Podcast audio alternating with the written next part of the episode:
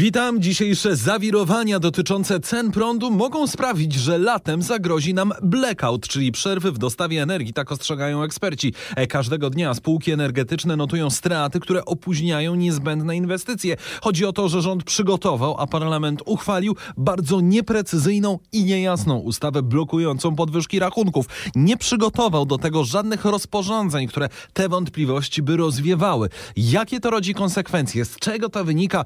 O tym rozmawiałem z ekspertem Marcinem Roszkowskim z Instytutu Jagiellońskiego. Tutaj widać na, kilka, na kilku poziomach, że ta ustawa trochę zamieszała w, e, na rynku. Z jednej strony jest takie poczucie, że ceny nie wzrosną, bo tak e, politycy mówią.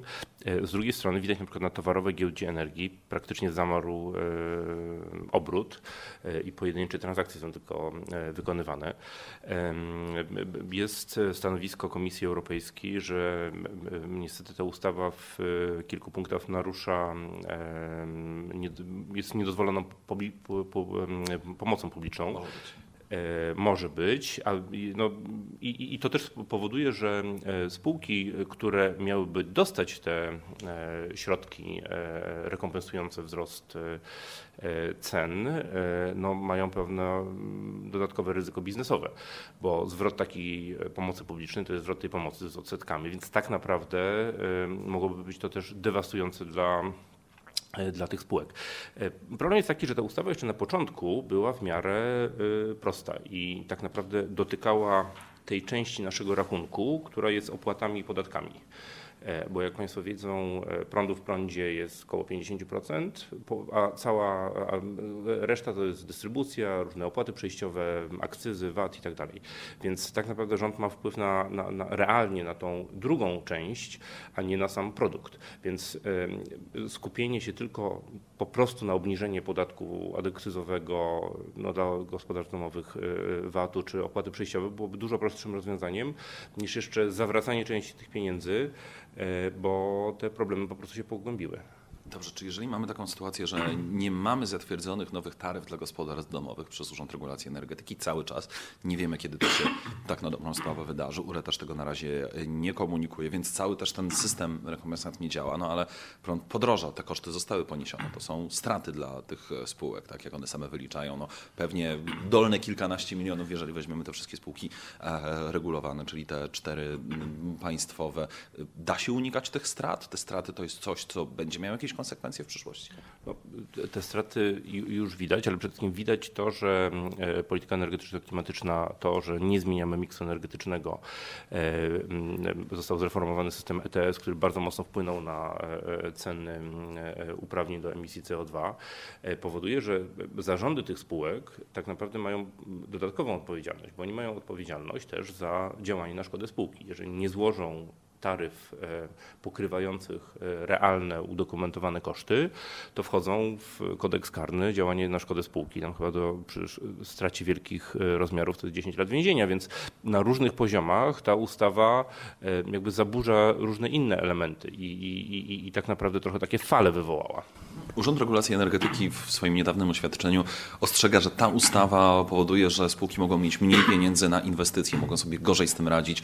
Rzeczywiście jest tak, że nie wiem, budowa nowych e, elektrowni, mówiąc uproszczeniu, nowych źródeł energii, będzie przez to zagrożona, opóźniona. Nie wiem, rzeczy takie, które są najbardziej ludzkie, czyli na przykład utrzymywanie w dobrym stanie całej tej infrastruktury przesyłowej, żebyśmy nie mieli takich sytuacji, że jak zawieje wiatr albo spadnie śnieg, to znowu będzie kilkadziesiąt tysięcy e, gospodarstw domowych przez jakiś czas bez prądu. Te wszystkie inwestycje, które e, mogłyby to zabezpieczyć, e, mogą się rzeczywiście opóźnić? No, ta ustawa wywołała pewne fale, bo one też dotykają na przykład e, inwestycji capex-ów, czyli środków inwestycyjnych w spółkach. Tutaj na pewno duża pokusa będzie, żeby prze, prze, przekierowywać środki z rozwoju sieci, która w Polsce cały czas wymaga inwestycji, ale też nowych źródeł wytwórczych, na przykład Tauron, Koroń czy elektrownię e, Jaworzno, która ma być w tym roku gotowa, a e, nie jest to bez znaczenia, dlatego że pewne moce też wypadają z, e, z rynku e, i, no, mamy dosyć łagodną zimę, jeżeli będziemy mieli gorące lato, to znowu się możemy spodziewać blackoutów i jest, jest pewne ryzyko, że te, to wpłynie także na dokończenie niektórych inwestycji. Jeżeli popatrzymy na to całościowo, jakie mogą być konsekwencje za rok, dwa, trzy tego, tak jak Pan mówi, między innymi tam chociażby blackout?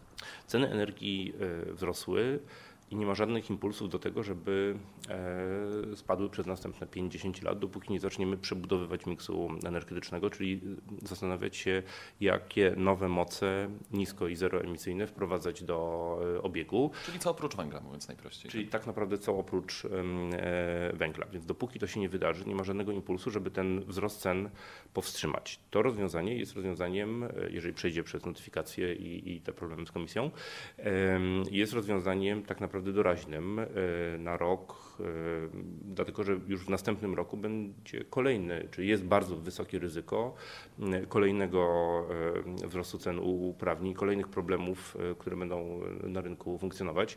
Za dwa lata, dwa i pół do gry wejdzie kwestia ciepła, dlatego że podpisane są już listy derogacyjne instalacji ciepłowniczych. Tam jest sto kilkadziesiąt instalacji, które będą wyłączane, one będą musiały być modernizowane i ceny ciepła też wzrosną, nie tylko przez CO2, ale także przez potrzeby inwestycyjne, więc tych problemów w energetyce niestety tą ustawą się wszystkich nie rozwiązało, to jest rozwiązanie doraźne.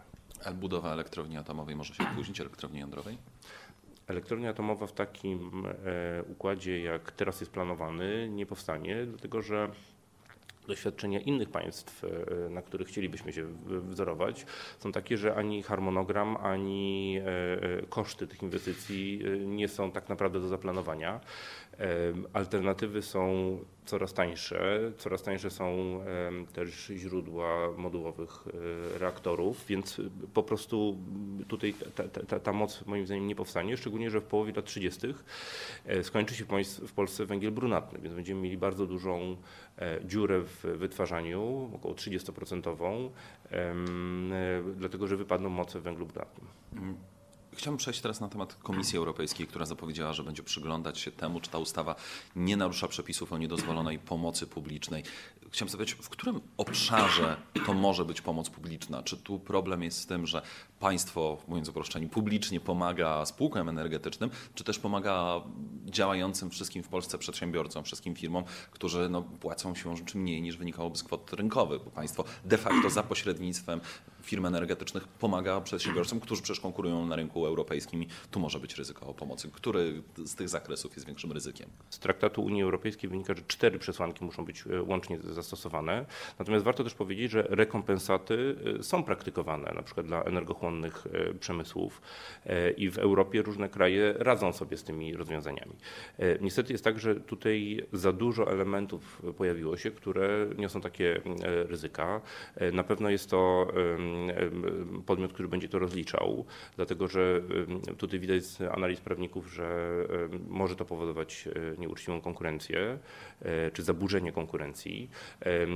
Powodują też wszystkie elementy, które wpływają na wymianę międzypaństwową.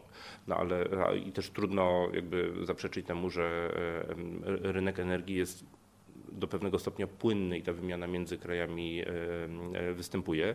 E, stąd też większość zapisów tych dotyczących jakby powrotu tych środków z CO2 jest narażona na określenie jako niedozwolona pomoc publiczna. To był Marcin Roszkowski z Instytutu Jagiellońskiego.